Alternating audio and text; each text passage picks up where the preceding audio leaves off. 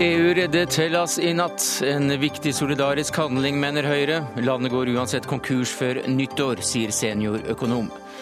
Brystkreftopererte venter på pupp i årevis, mens menn får balla plast etter noen måneder. Likestilling mellom pung og pupp krever kreftopererte. I dag er det valg i Jemen, med én kandidat på listen. En gledens dag, mener en norsk ekspert. Og ledere tar kurs i kvinnelig surmuling, sutring og baksnakking. Gammeldags, mener SV. Det er bare sånn det er, svarer Elin Ørjasæter.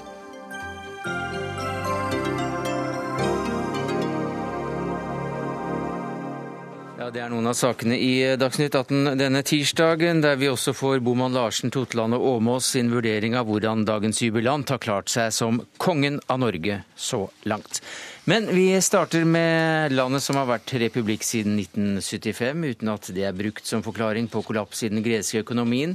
For i natt ble altså eurolandene enige om en ny krisepakke til Hellas, denne gang på 130 milliarder euro, eller rundt 1000 milliarder kroner.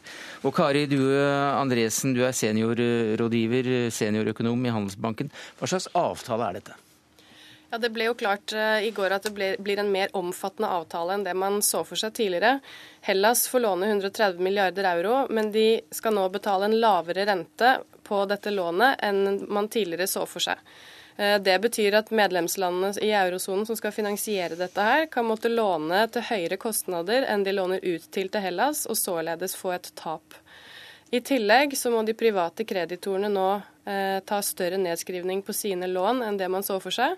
Man trodde det skulle være dreie seg om 50% men nå blir det 53,5 eh, Den europeiske sentralbanken og de nasjonale sentralbankene i eurosonen skal også si fra seg sine eventuelle gevinster på greske statsobligasjoner i tiden som kommer. Og På denne måten skal de da få ned Hellas sin gjeld som andel av BNP til 120,5% innen 2020. Men dette er altså IMFs eh, basisscenario. De har også et nedsidescenario som dreier seg om at det kan bli mye verre enn dette. Det skal vi komme tilbake til, men først oppsida her. Hva slags, hva slags eh, forpliktelser er det Hellas har påtatt seg med dette? Hellas skal nå innen 2015 kutte med 14 milliarder i budsjettene sine. De skal øke skatteinngangen med i overkant av 14 milliarder. De skal si opp 150 000 ansatte i offentlig sektor. Eh, og allerede i år skal de kutte med ca. 3,3 milliarder euro. Og det kuttes altså i helse, skole, eh, forsvar, det kuttes i pensjoner, det kuttes i lønninger, og heller ikke minstelønningene blir spart. Hva tror du om eh, forutsetningene for å oppfylle slike krav? Nei, Vi tror at Hellas nå stadig faller lenger ned i den økonomiske resesjonen, eller depresjonen til og med. Eh, det gjør at det stadig blir vanskeligere å oppfylle disse kravene etter hvert som det bare går dårligere og dårligere i gresk økonomi. Vi tror ikke viljen er til stede i folket til å gjennomføre dette, og vi tror heller ikke evnen er der i systemet til å gjennomføre dette. Og det betyr? Det betyr at Hellas vil antagelig gå konkurs allikevel. Eh, det kan skje allerede i år.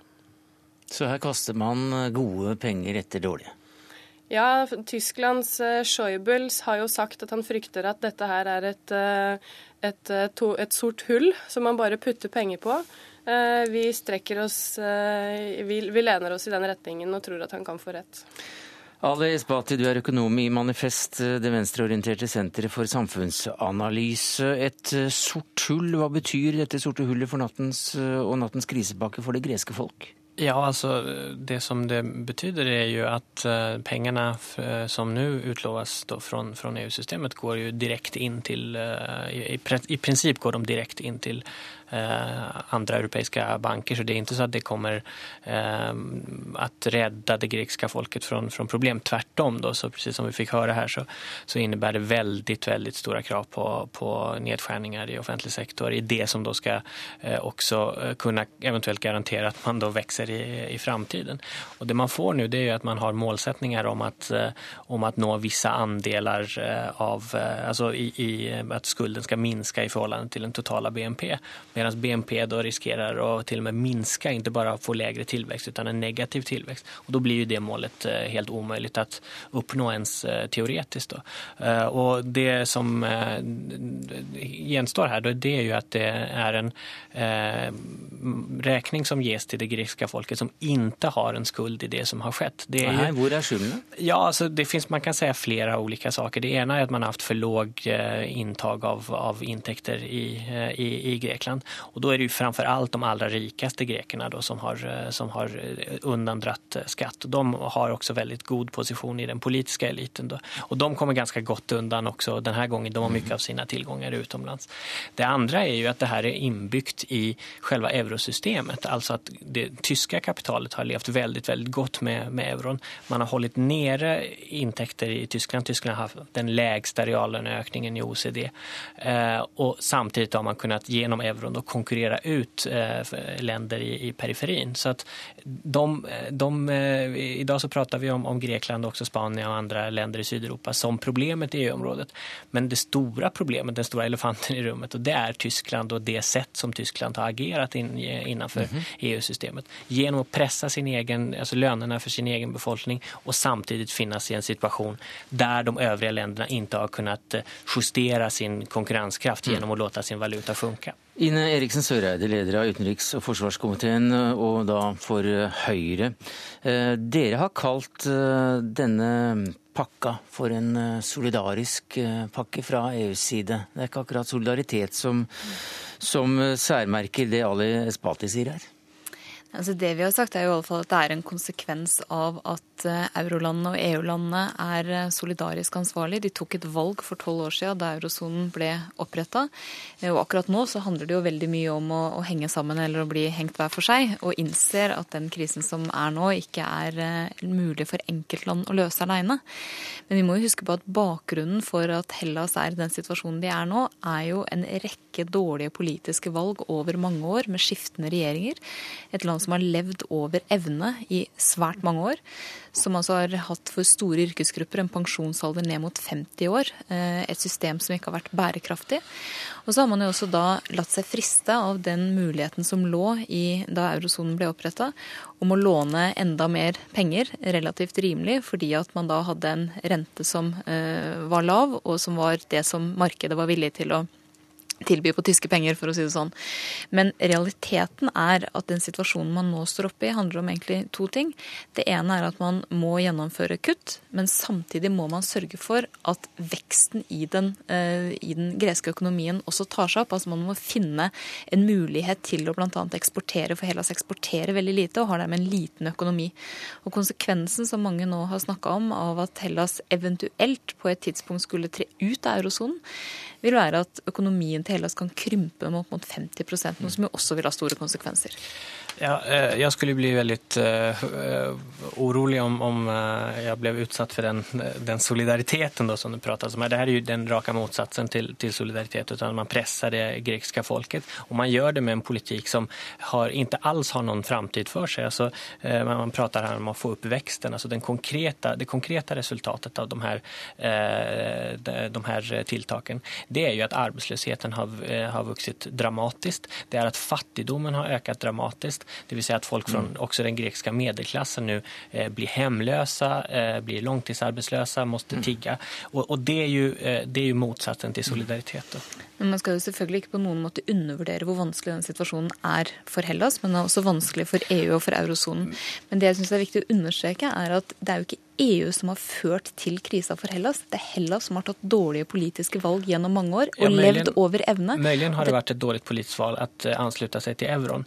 Men uh, det, som man, det, som du pratet om tidligere, om pensjonsalder eksempel, det er jo direkte felaktig. Mm. Altså, den, den, faktiske pensjonsalderen i Hellas uh, for, for, grekiske menn er høyere enn den er for, for tyske menn. Men som jeg sa, For enkelte grupper har den vært ned mot 50 år, ja, og så skjer det reformer. Men, men, men, det er jo ikke en forklaring da, i så fall på krisen. Sier at det er et altså, eksempel på hvordan man har har levd over evne og ikke hatt et bærekraftig altså, system. Denne typen av myter er jo et sett det er jo ikke en myte. selge inn Er det, er det myte? Att, ja, självklart er det en myt å si at en en, at en låg grekisk pensjonsalder har vært eh, resultatet, når vi vet at den grekiske pensjonsalderen for menn eksempel er høyere enn den er for Tyskland. Det er også en Det- myte at grekerne ikke jobber, de, de jobber Det har jeg flest heller aldri sagt. Nei, men jeg bare sier den typen av myter som er veldig vanlige i denne debatten, som har anvendt for å selge inn det här paketet til eksempelvis folk i, i Tyskland og i, og i Nord-Europa. Men poenget er at det er ikke, det er är inte de olika europeiska folken som i det här läget står mot varandra. Eh, eh, Men det er så man då säljer in det här paketet og det er är bra att grekerna inte accepterar det. nesten høre hva seniorøkonomen sier her. Jeg tror det som er eh, vår, vårt syn oppi dette, er at eh, dette dreier seg ikke først og fremst heller om å redde Hellas. Det dreier seg om å beskytte den for øvrige eurosonen mot en gresk konkurs. Og jeg tror nå med denne pakken så har man kjøpt seg litt tid. Eh, Man ønsker å få på plass det permanente redningsfondet som skal være eh, intakt innen 1.7. Og bankene i eh, Europa skal også bedre sine balanser innen 30.6. Mm. Jeg tror når dette er gjort, da vil de la Hellas gå konkurs når det viser seg at de ikke overholder Ja, for du mener også at det er en, annen, at det er en dobbel agenda her? Jeg tror eh, eurosonen ønsker å redde seg selv, de ønsker å redde euroen, og det er mulig de må ofre Hellas for å få til det. Og det er de klar over allerede, allerede nå? Det tror jeg de er. Og sånn som Schäuble sier, de er redd for at dette her kan være et sort hull. Jeg tror det er begrenset hvor lenge de er villige til å putte penger på dette sorte hullet. Og da refererer du også til dette som skal være eh, en hemmeligstemplet rapport eh, fra Troikaen, EU, Den europeiske sentralbanken og Det internasjonale pengefondet. Ja, De har et nedsidescenario hvor eh, IMF skisserer at utviklingen i Hellas kan gå mye verre enn de ser for seg nå. I så fall så vil de komme til å trenge 245 milliarder euro. Det er nesten dobbelt så mye som de 130 de nå blir eh, forespeilet. I så fall vil gjelden også stige sannsynligvis til 160% av BNP innen 2020. Jeg kommer nettopp fra to dager med møter med mine kollegaer i Europaparlamentet, eh, som har vært her i Oslo. Eh, vi har hatt veldig interessante diskusjoner om disse tingene. Og det, det enhver europeisk politiker også erkjenner, er jo at selv et absolutt bestefallsscenario vil være veldig krevende både for EU, for eurosonen og for de enkelte landene. Eh, og det som jeg tror har vært noe av den diskusjonen man kanskje ikke har vært så villig til å ta, har jo vært at da man bestemte seg for å lage eurosonen, så var det vel så mye et politisk som et økonomisk prosjekt, som altså valgte til en viss grad å, å se litt gjennom fingrene med at en del land ikke oppfylte kravene, samtidig som Hellas jo da var i den situasjonen at de løy på statistikken om hvor høy statsgjelden faktisk var, og hvor høy gjeldsgraden var. Eh, Det jeg tror er framtida nå, er, og som Arne Jon Isaksen, som er professor, også sier, at, at en felles valuta krever felles vaner. Altså det å faktisk ha en, en sterkere felles økonomisk politikk, tror jeg er en måte å, å se framover på. Fordi at hvis man fortsatt skal være har veldig ulike både budsjettdisipliner, veldig ulik måte å tenke på, så er det vanskelig å se for seg at man kan klare å opprettholde eh, en felles valuta uten at det skjer en form for sterkere politisk styring. Men altså, Sorbas, Sorba er litt i utakt fremdeles. Så får vi se hvordan det går når de andre tingene kommer på plass, og om dette nedsidescenarioet slår til. Takk skal du ha, Kari Due Andresen, sjef seniorøkonom i Handelsbanken, Ali Espati, økonom i Manifest Senter for samfunnsanalyse, og til deg, Ine Eriksen Søreide, leder av utenriks- og forsvarskomiteen for Høyre. Dagsnytt 18 alle hverdager klokka 18.03 på NRK P2.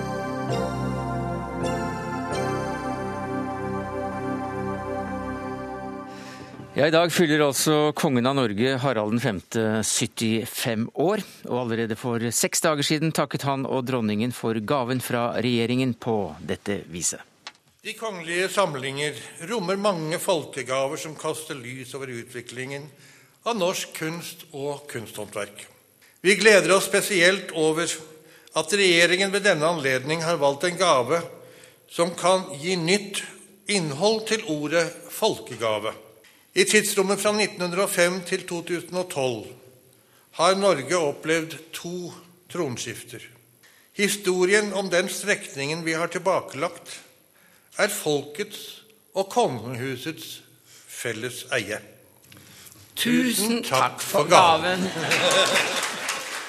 I kor, altså kongeparet. Forfatter Tor Boman Larsen, en av seks utstillinger av gaver det norske kongehuset har fått opp gjennom historien fra 1905, var altså, var altså, gaven med et budsjett på 30 millioner kroner, og denne gaven har du vært eh, involvert i.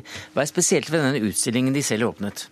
Mm, jo, det mest spesielle for publikum er jo at eh, kroningsvognen viser for eh, første gang, -hmm. med, med firespannet foran. Og det er jo en aha-opplevelse for alle som ser den, at vi har noe sånt i Norge.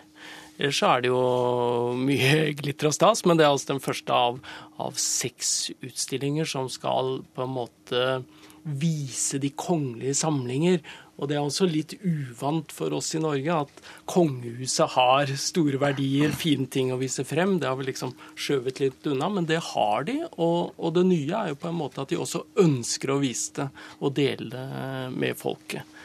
Kongen selv er bortreist på dagen, men det har ikke stoppet feiringen på noen måte. Helt fra i morges kunne kong Harald 5. høre bursdagssangen i nyhetssendingene her i NRK. En, to, tre. Hurra for deg som fyller i tåra, deg vil Jeg vil si gratulerer med dagen, og, og at håper han får en fin bursdag. Og at han kanskje får noe fint. Si meg hva vil du mere? Gratulerer! Hei! Håper han får en fin bursdag. Gratulerer. Og siden eh, før klokka tolv i dag stilte folk seg i kø for å signere gratulasjonsprotokollen på Slottet, og der var også du kongehusekspert Kjell Arne Totland. Hva sa folk om kongen på Slottsplassen i dag? Eh, det var eh, mange gledesuttrykk. En del kjente igjen, eller visste hva jeg drev med, og kom bort og skulle si, Noen av de unge skulle si 'kongen er kul', liksom. Og så var det litt eldre mennesker eh, som skulle si at dette eh, har han fortjent. Og så sto de faktisk lenge i kø for å komme inn, fordi at det var først diplomatene som hadde fått to timer, og de var litt forsinket.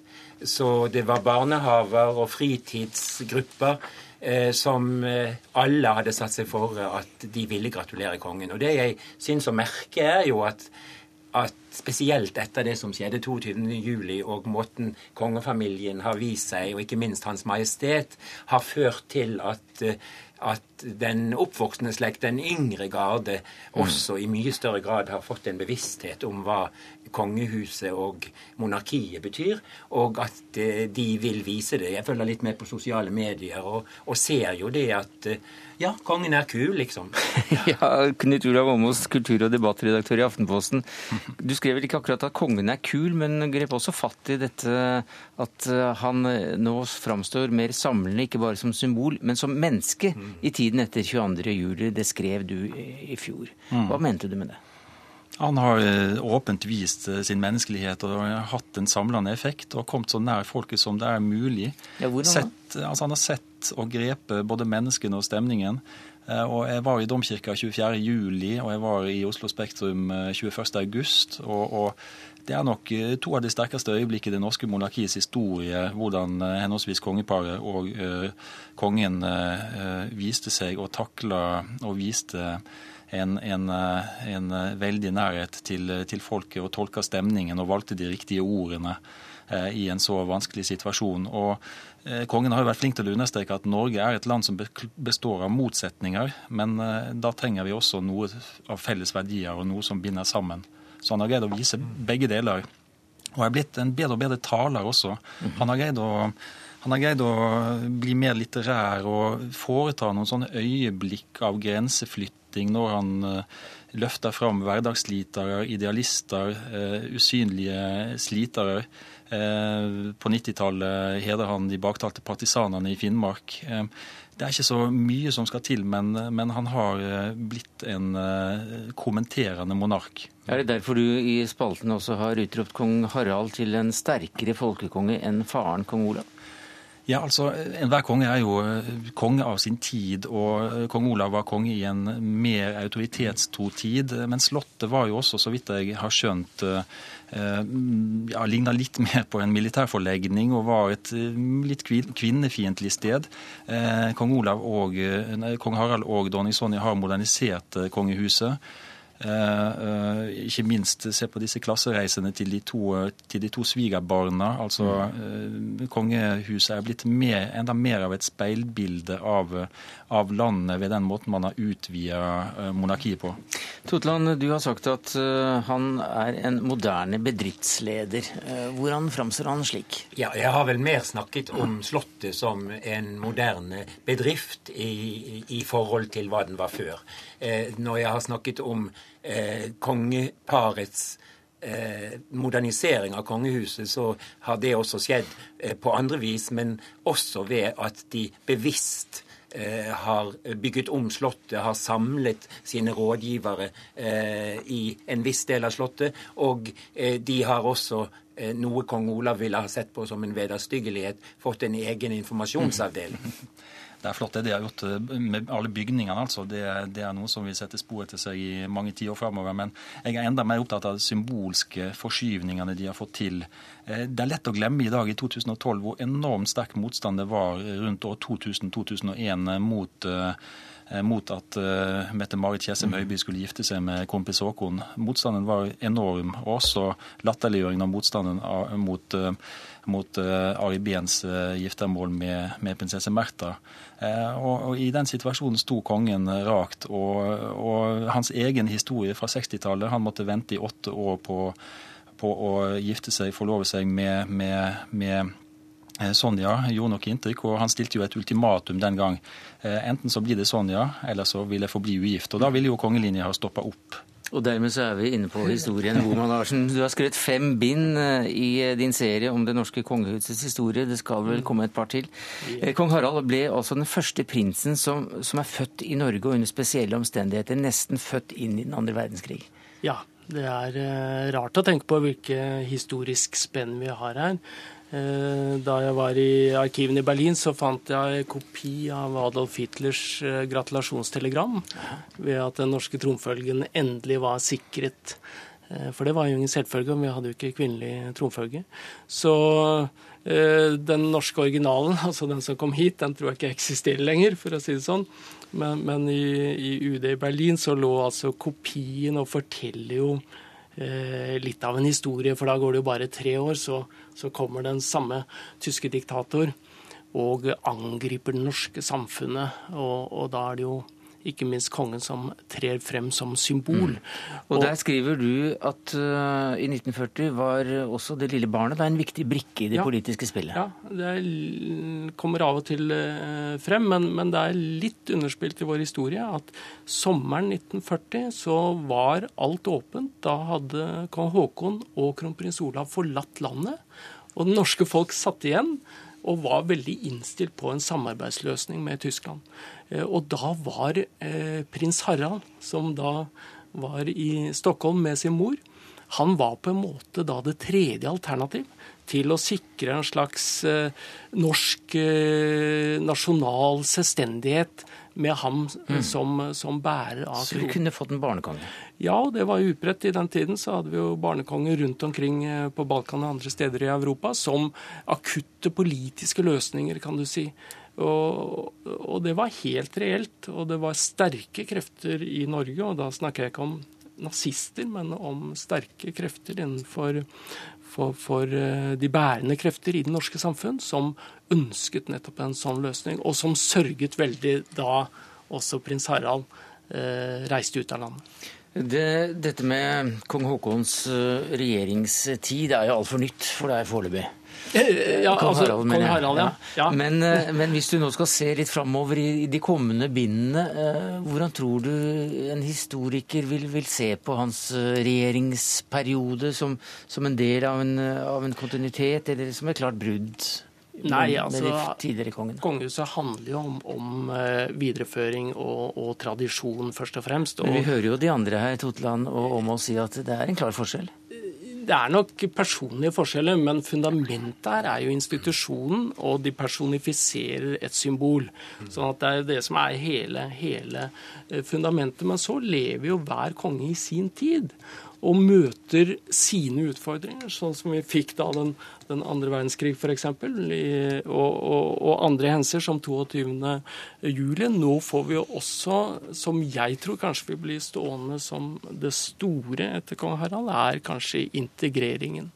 At, vi, at monarkiet må være et integrerende symbol. Og det, det, tror jeg er en ting de arbeider veldig bevisst med. Thomas? Ja, det, det, slår meg også uh, hvor, hvor, langsiktig de kongelige tenker. Jeg er enig med Tor Boman Larsen i det. altså de, eh, de, kan leve med litt av hvert som skjer fra uke til uke og måned til måned, av fortredeligheter og rykter og sladder, uh, fordi de har et 50-årsperspektiv på det de gjør. Mm. Og, da, og det er det ikke mange institusjoner i vårt samfunn som har. Um, det slår meg for øvrig når jeg sitter her at uh, det er ikke lett i Norge i dag å finne noen som kan uh, diskutere monarkiet kritisk. altså Vi analyserer det jo alle hver på vår måte.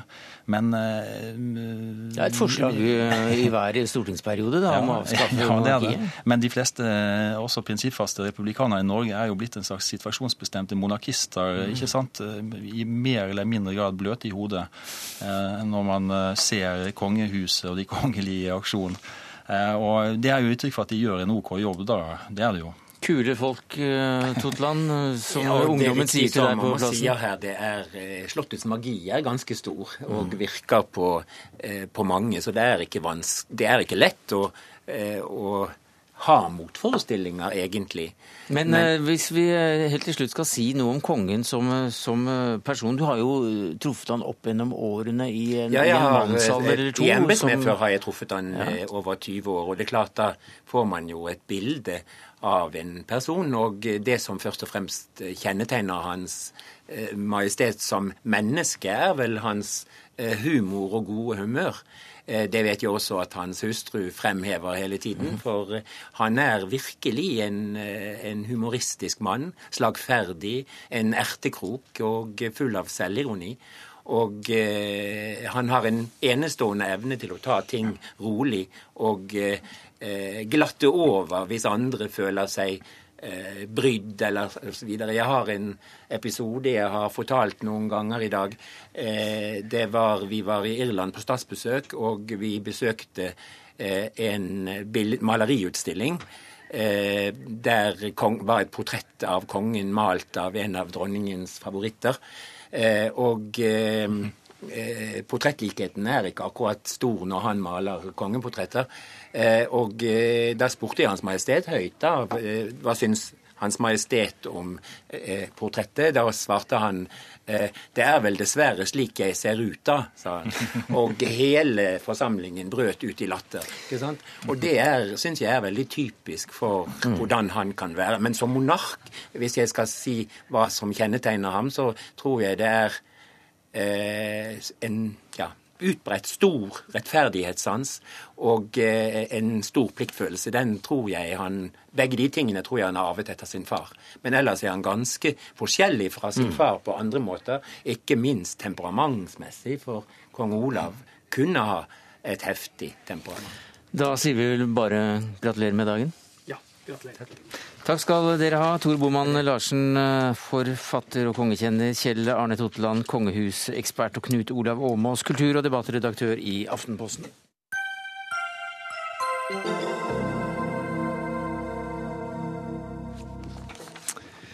Velkommen tilbake til Dagsnytt 18, Lise Askvik. Tusen takk, Sverre Tom. Radøy, eh, du er programleder i P4. Du er eh, brystkreftoperert. I oktober satt du akkurat i den samme stolen her i Dagsnytt 18 og viftet med løsbrystet som en del av din kamp for å få regjeringen til å garantere en tidsfrist for tiden kreftopererte må vente på å få nytt bryst. Hvordan har det gått? Enn så lenge så har det ikke gått så veldig bra. Det vil si Frp har nå reist et forslag i Stortinget som sikrer oss både en tidsgaranti og en rettighet til å få bryst på plass. Nå har helseministeren gått ut og sagt at brystrekonstruksjon det skal bli en del av kreftbehandlingen. Det er veldig lovende. Nå kommer forslaget opp i komiteen, helse- og omsorgskomiteen på Stortinget. Så har regjeringspartiene klart å gå imot det forslaget som faktisk vil løse inn den garantien de har gitt muntlig. Det forstår jeg ingenting av. Og Hvorfor har dere det, Helga Pedersen? Du er parlamentarisk leder i Arbeiderpartiet og satt i akkurat den stolen du sitter i nå, i oktober og snakket om det samme. Mm. Mm. Og det er veldig viktig at rekonstruksjon eh, nå er blitt en del av brystkreftbehandlinga. Men det var ikke det som var spørsmålet. Spørsmålet var hvorfor stemte dere imot dette forslaget har, om en tidsfrist? Vi har ikke stemt imot det, og vi er heller ikke mot å sette en tidsfrist. Men det som har skjedd siden sist, det er at det nå er en arbeidsgruppe som sitter og jobber med hvordan man skal organisere dette tilbudet i fremtida, hvordan vi skal sikre nok kapasitet.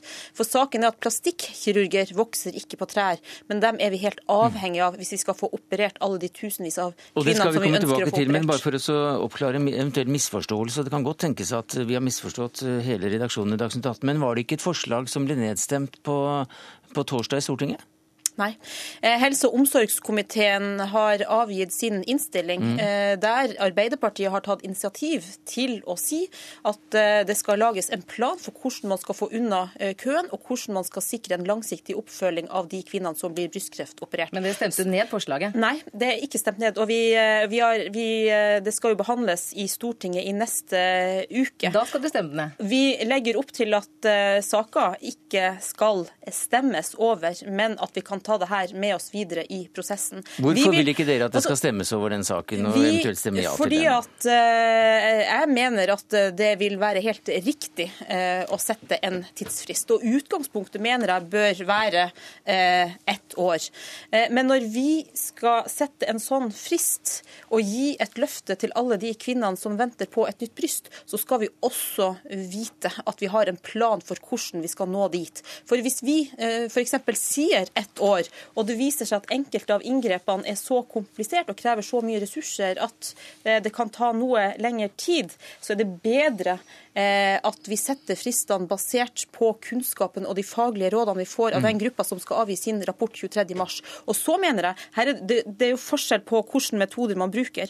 For de enkleste inngrepene så sier vi jo i innstillinga sammen med de andre partiene eh, at fristen ikke bør overskride seks måneder. Ja, seks måneder. Men da er vel mye i orden her? Nei, det er det absolutt ikke. Nå pakker jo Helga det pent inn i julepapir, og det må hun gjerne gjøre. Hun er ute etter å skåre politiske poenger, sånn som helseministeren er. Og det syns jeg er ganske dårlig gjort å gjøre på vår bekostning. Fordi her har dere en glitrende mulighet til å si ja til opposisjonens forslag den 1. mars. Det vil ikke gå imot arbeidsgruppas innstilling. De skal avklare det både rettigheter og tidsfrister.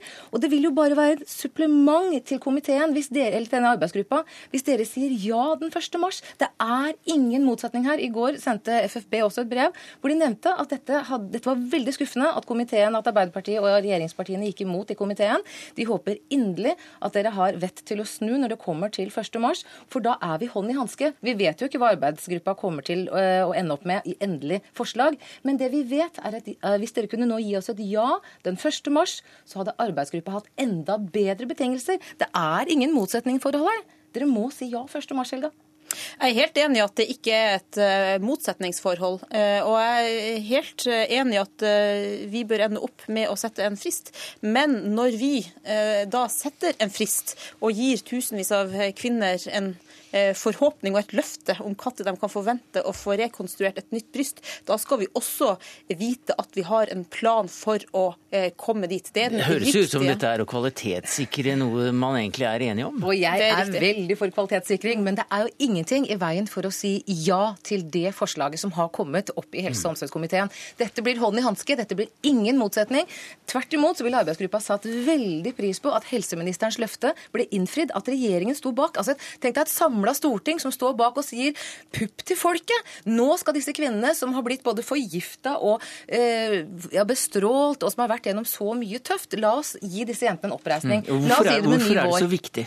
Du vet hva, Hvorfor det er så viktig å få nytt bryst? Vet du hva, Det er ganske interessant at du spør om, for det er det jo de kvinnene som har opplevd det de kjenner hvor mye, hvor mye, det går utover livskvaliteten. Selv har jeg levd uten uh, pupp nå i bare fire måneder og har blitt skeiv og lei i ryggen. Uh, det er bare en bitte liten del av det. Du skal tro at det er en ganske pussig opplevelse å gå ut av dusjen og se seg sjøl i speilet uten hår. Jeg har altså ikke pupp, jeg har ikke øyenbryn, jeg har ingenting lenger. Man kjenner ikke seg selv igjen. Det går veldig utover kjønnsidentiteten din. Det er så fryktelig mye dette her går utover. Og det å leve med det én sommer, det kunne jeg kanskje klart. Men det å leve sommer etter sommer med en kropp som er halv, altså de fysiske, de emosjonelle, de sjelelige skjevhetene dette gir, er så store at du nesten ikke kan forstå det. Og der tok du av deg eh, parykken, eh, Askvik. Men eh, det er også da slik som, som, du, som du skriver i, på, på Facebook-sidene, at når menn blir operert for fjernet en testikkel, ja, så kommer det en, en ny sten i form av silikon eller et eller annet i løpet av en seks måneders tid. Innen tre måneder får mannen replassert det. Og jeg vil tro at symmetrien i en mannskropp er også viktig, men jeg tror kjønnsidentiteten kanskje er enda viktigere for en kvinne, for det er noe med disse brystene som er enda mer iøynefallende og synlige. Jo, jo. Og jeg fatter ikke hvorfor kvinner skal måtte vente opp mot ti år, mens menn Ti år? får Ja, opp mot ti år. Rikshospitalet, som er det beste hospitalet på en viss type operasjon, den ene typen, de har ti års ventetid. Det er helt skandaløst, og det er direkte kvinnediskriminerende. 1. mars har regjeringa mulighet til å rette opp dette her, og vi har stor tillit til at dere gjør det, Helga. Dere har muligheten til å fikse det nå. Det er en helt uakseptabel eh, situasjon, det vi ser eh, med de lange ventetidene eh, som er. Og jeg er helt enig i beskrivelsen. Kvinner har rett til å få to bryster etter at man eh, har vært eh, gjennom en meget tøff eh, diagnose og, Ja, og veldig det sa du behandling. sist du var her i Dagsnytt 18 også, Ja. og det sa du i ukeslutt sist på lørdag. Men, eh, men der blir det også nevnt at eh, altså private aktører, private klinikker, kan jo ta unna eh, det som er av køer. 2000 kan eh, de visstnok eh, operere inn eh, implantater eh, i, i året. Og det da i tillegg med det offentlige helsevesenet, så kommer man ganske raskt hvis man først sier ja. Yes. Vi er åpen åpne for å bruke private klinikker, men det er også viktig at vi i det lengre løpet bygger opp den offentlige kapasiteten. Jeg kommer jo fra Nord-Norge, som du hører. Der er ventetida nå tre år på brystrekonstruksjon.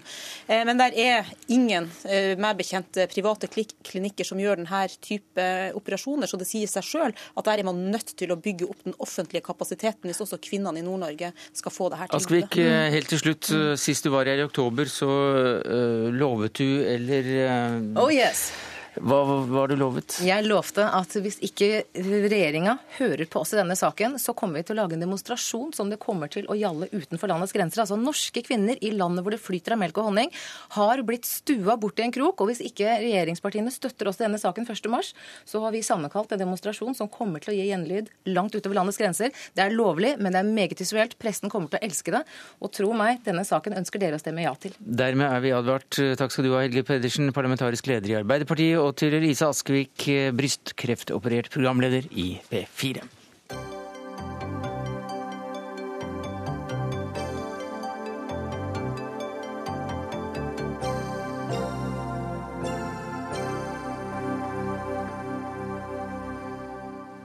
I dag er det altså valg i eh, det mest tilbakestående arabiske landet. Det eneste på den arabiske halvøya der eh, monsunregnet gjør store deler av landet grønt i perioder. Arabia Felix, det lykkelige Arabia, dronningen av Sabas rike osv. Med andre ord, eh, der du gjorde feltarbeidet ditt, Jemen-kjenner Atle Mesøy. Hva betyr dagens valg? Det er svært vanskelig å si. Fordi at det er, det er så mange usikkerhetsmomenter som, eh, som ligger der. Men tidligere i dag så var du ganske positiv, og så har, du, så har fått en litt Eh, annen eh, Ja, fordi at ting skjer jo utrolig fort. Og det som var et viktig spørsmål nå før valget, det var hvem er det som kommer til å støtte opp om det, hvem er det som ikke gjør det. Og det er klart at det er en side som ønsker, internasjonale interesser, som ønsker å presentere dette som vellykket. Og det er også eh, en, en viss tretthet i, i folket i Jemen som ønsker å se noe positivt, som ser på dette som avgangen til Saleh, og, og feirer det på den måten. Men eh, det er også viktige deler av Jemen, nemlig sør, hvor det er en helt annen holdning, og hvor det var eksplosjoner i går. Man vet ikke hvor mange som eh, ble skadet eller drept. Det vil først komme etter hvert. Men det ble satt inn tanks og uh, tunge våpen uh, i, uh, i distrikter der hvor man ikke er vant til å se slikt. Men vi har jo da en tidligere nobelprisvinner, Tavakul Karman. Hun er jo begeistret for dette. Ja, det er hun. Men det er, hun representerer også det største opposisjonspartiet Isla. Men selv da om det bare er én mann på lista? Ja, fordi at eh, rett og slett så det er jo ikke eh, Det er en del som begynte å se det etter hvert nå, eh, at det var jo ikke et reelt valg. når du bare kan stemme på én kandidat. Men hvorfor er det så positivt allikevel, tross alt? Jo, fordi at det var Salet holdt seg ute av landet. Tidligere presidenten. Den tidligere presidenten holdt seg ute av landet. Det var snakk om at han kanskje skulle komme tilbake. Han gjorde ikke det.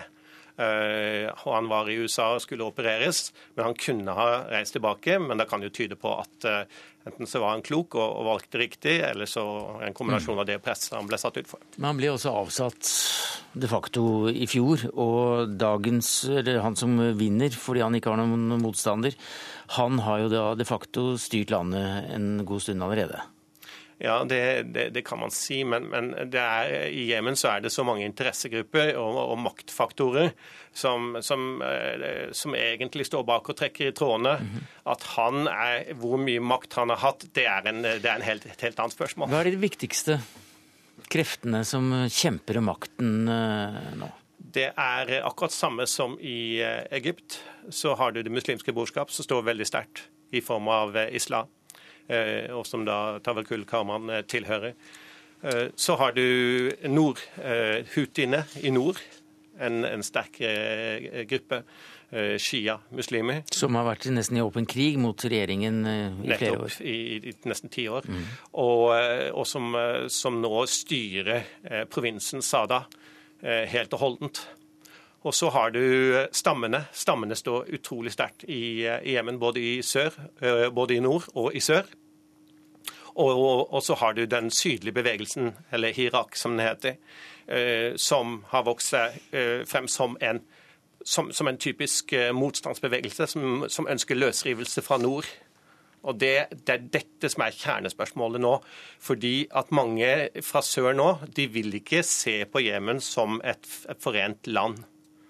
Det er, det er, så store forskjeller og splittelse, og det må tas tak i. Og Det har jo vært et Nord-Jemen og et Sør-Jemen for ikke så lenge siden, så mm. her er det jo et klassisk historisk skille, da.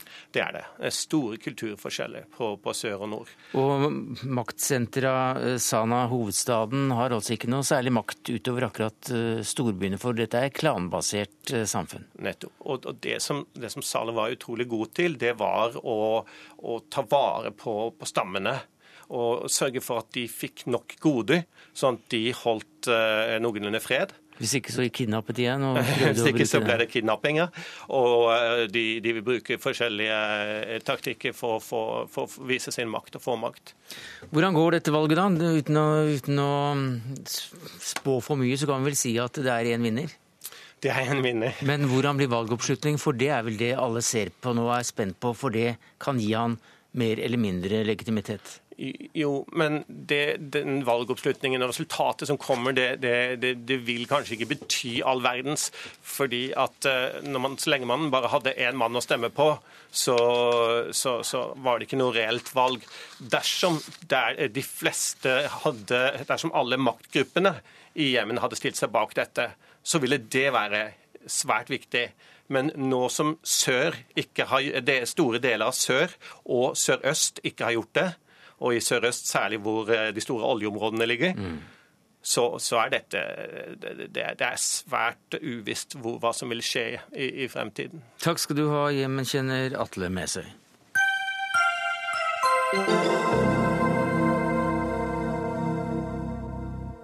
I dag ble representantskapet i LO formelt enige om å fortsette med frontfagsmodellen, og dermed vil Fellesforbundets forhandlinger med arbeidsgiverne legge føringer på hele lønnsveksten i alle sektorer i år igjen.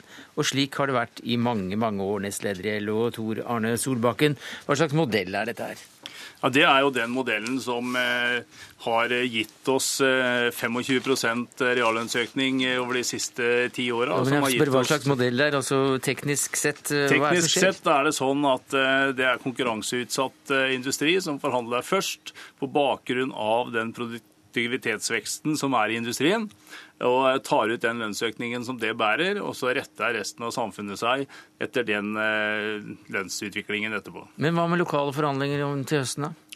Nei, lokale forhandlinger er jo en del av eh, frontfaget. Det ligger jo inne i det at man har et eh, tillegg som regel på sentralt hold, og så forhandler man lokalt ut ifra de kriteriene som ligger i den enkelte så det, bedrift. Det betyr ikke at dette er ikke noe tak, men dette er snarere et gulv, da? Dette man kan er, ut dette er eh, en norm. Det er verken et tak eller et gulv, men det er en norm for hvor stor lønnsutvikling som det norske samfunnet kan ha hvis man ønsker å fortsette med høy sysselsetting, lav arbeidsledighet og en konkurranseutsatt eh, industri som kan konkurrere med våre konkurrenter. Men f.eks. innen oljenæringen så betyr ikke dette noe særlig mye, som også da går så det uler. Jo, det betyr det. det er, eh, hvis en går inn og ser på statistikken for fjorårets lønnsutvikling, så er det faktisk sånn at en av de næringene som prosentvis ligger lavt i lønnstillegg i fjor, det er eh, oljeindustrien med 3,6% Sånn at eh, det er ikke nødvendigvis der vi ser utskeielsene. Og der har dere også mange medlemmer. Knut Årbakke, du er leder for Akademikerne, men du er ikke helt fornøyd med denne modellen. Hvorfor ikke? Det er mye som tilsier at vi skal la privat sektor forhandle først. Ja. Det er er nok en god tanke. Så vi er ikke direkte motstandere av frontfagsmodellen. Men, Men vi det, at det jeg sa, det er at du er ikke helt fornøyd med Nei, modellen. ikke helt fornøyd med hvordan den praktiseres, og hvordan man snevrer den inn. Hvorfor ikke? Jo, fordi at dette blir fort at du legger normen etter de som sliter mest i næringslivet. Man Mm. tar utgangspunkt i at det er visse deler av privat sektor, konkurranseutsatt sektor, som har det tungt på verdensmarkedet. Papir og, og, og aluminium har vært nevnt. Og så legg, blir normen der i forhold til hvordan lønnsutviklingen skal være. Ja, Hva er galt i det, da? Ja, altså Det vil jo gjøre at de som jobber i store deler av norsk næringsliv, som faktisk går veldig godt, ikke får ta del i det overskuddet som faktisk genereres. Så dette er egentlig en gavepakke til eierne. det. Du genererer store overskudd som da de ansatte ikke får ta del i, fordi at man skal ha solidaritet med de delene av næringslivet som sliter. Og det gjør at, og man er livredd for denne todelingen av, av næringslivet, det gjør at du faktisk får mindre lønnsutvikling i næringer der, kunne, der lønnsevnen er god, og der du burde hatt større lønnsvekst. Så LO er altså i lomma på NHO her? Nei, Det som Mårbakke kommer med her, er jo med respekt å melde bare tøys. Altså, For det første, så I frontfaget så ligger jo inne både næringer som går godt, og næringer som, eh, som sliter. Og Det egentlig Årbakke tar til orde for her, det er jo at det er noen som skal betale regninga, og så er det noen andre som skal stikke av gårde med gevinsten.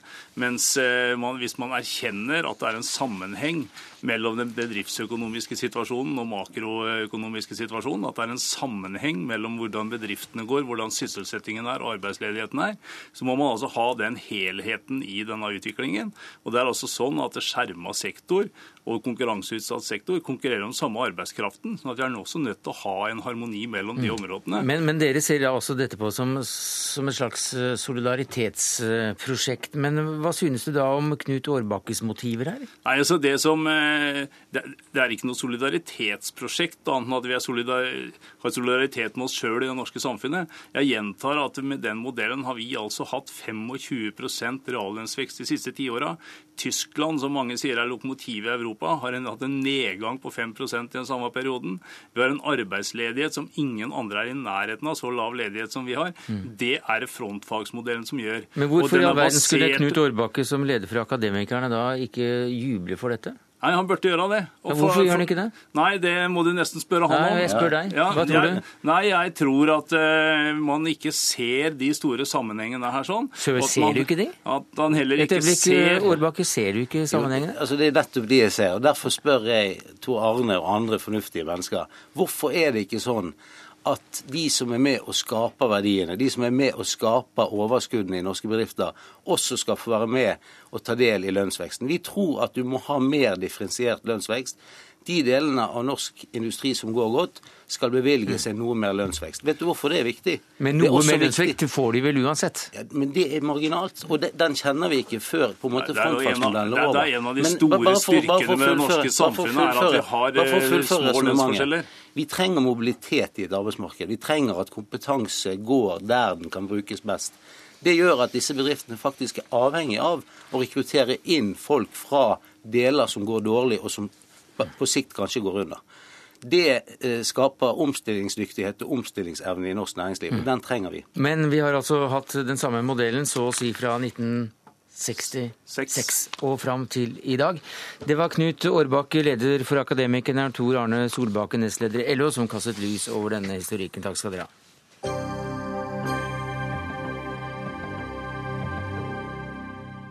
Hvordan kan kvinnelige ansatte skille seg negativt fra mannlige? Ja, Det spørsmålet det hadde vi tenkt å stille til Elin Ørjasæter, påtroppende kommunikasjonsrådgiver i børsen Marstiller, men du satte deg ikke ned før nå, så du hørte kanskje ikke spørsmålet engang? Jo, hvordan kvinner og menn er forskjellige i arbeidslivet. Ja, Hvordan kvinnelige ansatte kan skille seg negativt ut fra de mannlige?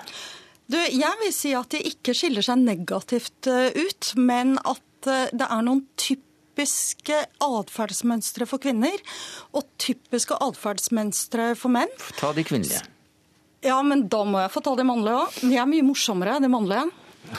Menn lyver, stjeler, skulker og eh, driver åpenlys boikott av rutiner på jobb. Okay. Kvinner er intrigante, eh, drama queens, spiller på offerrollen.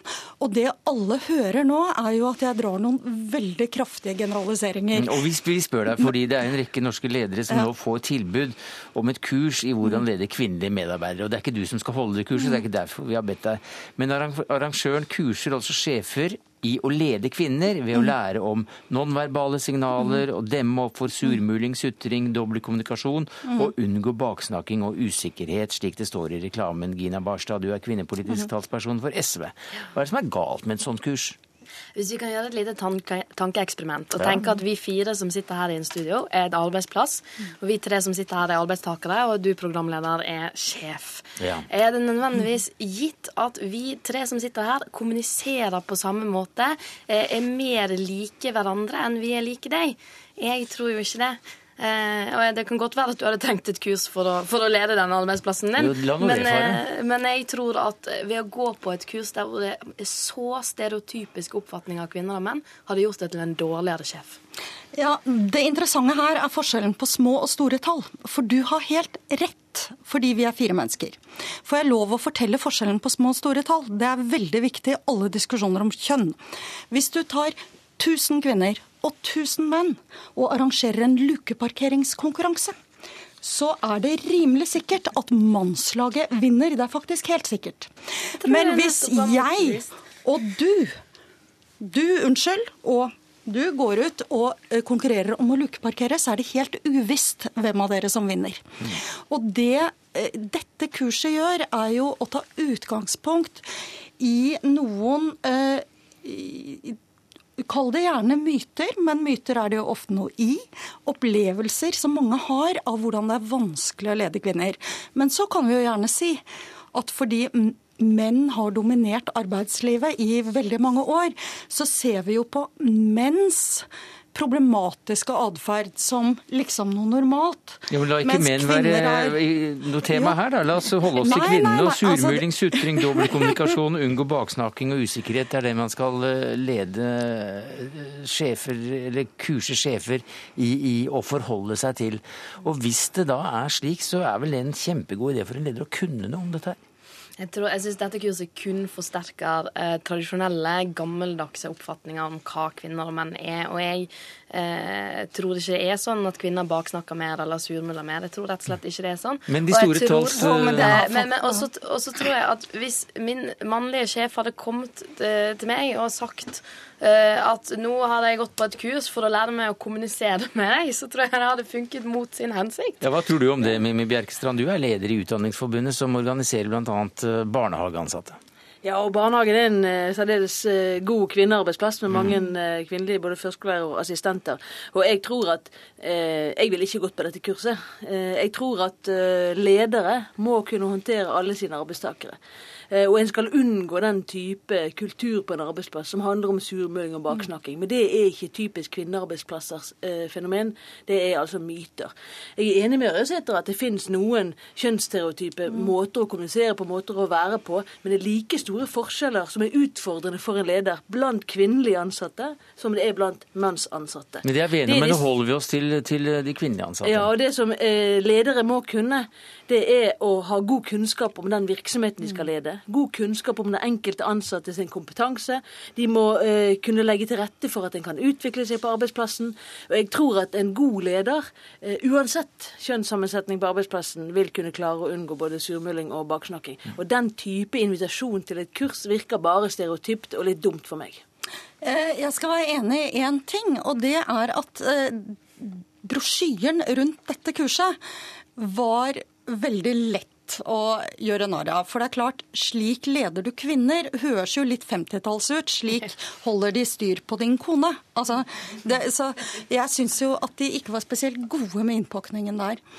Men eh, de sier jo selv at dette er det etterspørsel etter i markedet. Og jeg gjenkjenner det veldig fra når jeg har jobbet som rådgiver. Ja. At eh, både kvinner og menn sier åh, liksom det, når det er mange kvinner i avdelingen, så blir det liksom bare sånn og sånn. Men når det er mange menn, og når det er typiske mannsproblemer, så opplever man kanskje at at det er mer sånn ting man vet hvordan man skal håndtere. Så jeg tror vi skal ha respekt for kjønnsforskjellene og ønske velkommen at man faktisk holder kurs i det som mange ledere syns er vanskelig. Intriger og baksnakking. Jeg tror eh, at det er mye viktigere at disse lederne bruker mindre tid på den type kurs, eh, og mer tid sammen med medarbeiderne sine. Lære den enkelte medarbeider å kjenne. Legge til rette for at den enkelte medarbeider kan få gjøre en eh, god jobb. Eh, kjenne hva er utfordringene for den enkelte medarbeider. Jeg tror at de lederne som legger opp til eh, medansvar, eh, medledelse, sørger for at arbeidstakerne får gjort en god jobb. Ja, men Det er ikke noen motsetning i det å lære seg noen triks om hvordan kvinner særlig baksnakker og sutrer? Men det er ikke riktig at kvinner gjør det. Og jeg er overbevist om at Vi hører jo Ørjasæter gå god for det. Ja, men Ørjesæter er ikke noe sannhetsvitne på at sånn er verden. Men jeg er enig i at det finnes noen stereotype mm. forskjeller mellom eh, kvinner og menn, for all del. Ja. Eh, mitt råd til ledere som har mye av den type problemer, er jo å bruke mer tid på de medarbeiderne som ikke sutrer og baktaler, og faktisk sørge for å fordele tiden sin rettferdig. Alle de bra damene som går på jobben, gjør jobben, ikke lager konflikter, de fortjener lederens tid. Norske lederes største feil er ofte at de bruker 90% av tiden sin på de som bare lager trøbbel. Og det gjelder faktisk i både eh, eh, manns- og kvinnemiljøer. Det er eh, Men den undersøkelsen du nevnte som, som, dette firmaet selv har gått ut med, det er altså 500 ledere som sier at det er behov for et sånt kurs? Men altså, hva er det som er problemet her? Er problemet at det er surmuling og baksnakking på arbeidsplassen, eller er problemet at det er damer på arbeidsplassen? Jeg tenker at Folk må jo gjerne arrangere kurs om hvordan lage gode arbeidsmiljø og hvordan unngå å baksnakking. Men det jeg reagerer på, er den måten som dette kurset stempler kvinner, mm. og stempler kvinnelige arbeidstakere som, som dårlige arbeidstakere. Og det har vi fått med oss. Takk skal du ha, eh, Mimi Bjerkestrand, leder i Utdanningsforbundet, Ellen Ørjasæter, påtroppende kommunikasjonsrådgiver i Børsen Mars-teller, og Gina Barstad, kvinnepolitisk talsperson i SV. Vi møtes utenfor så får vi sjekke hvem som er best i lukeparkering. Dette var det vi rakk i Dagsnytt 18 denne tirsdagen, takket være ansvarlig for det hele Sara Victoria Rygg. Det tekniske ansvaret hadde Karl Johan Rimstad. Jeg heter Sverre Tom Radøy.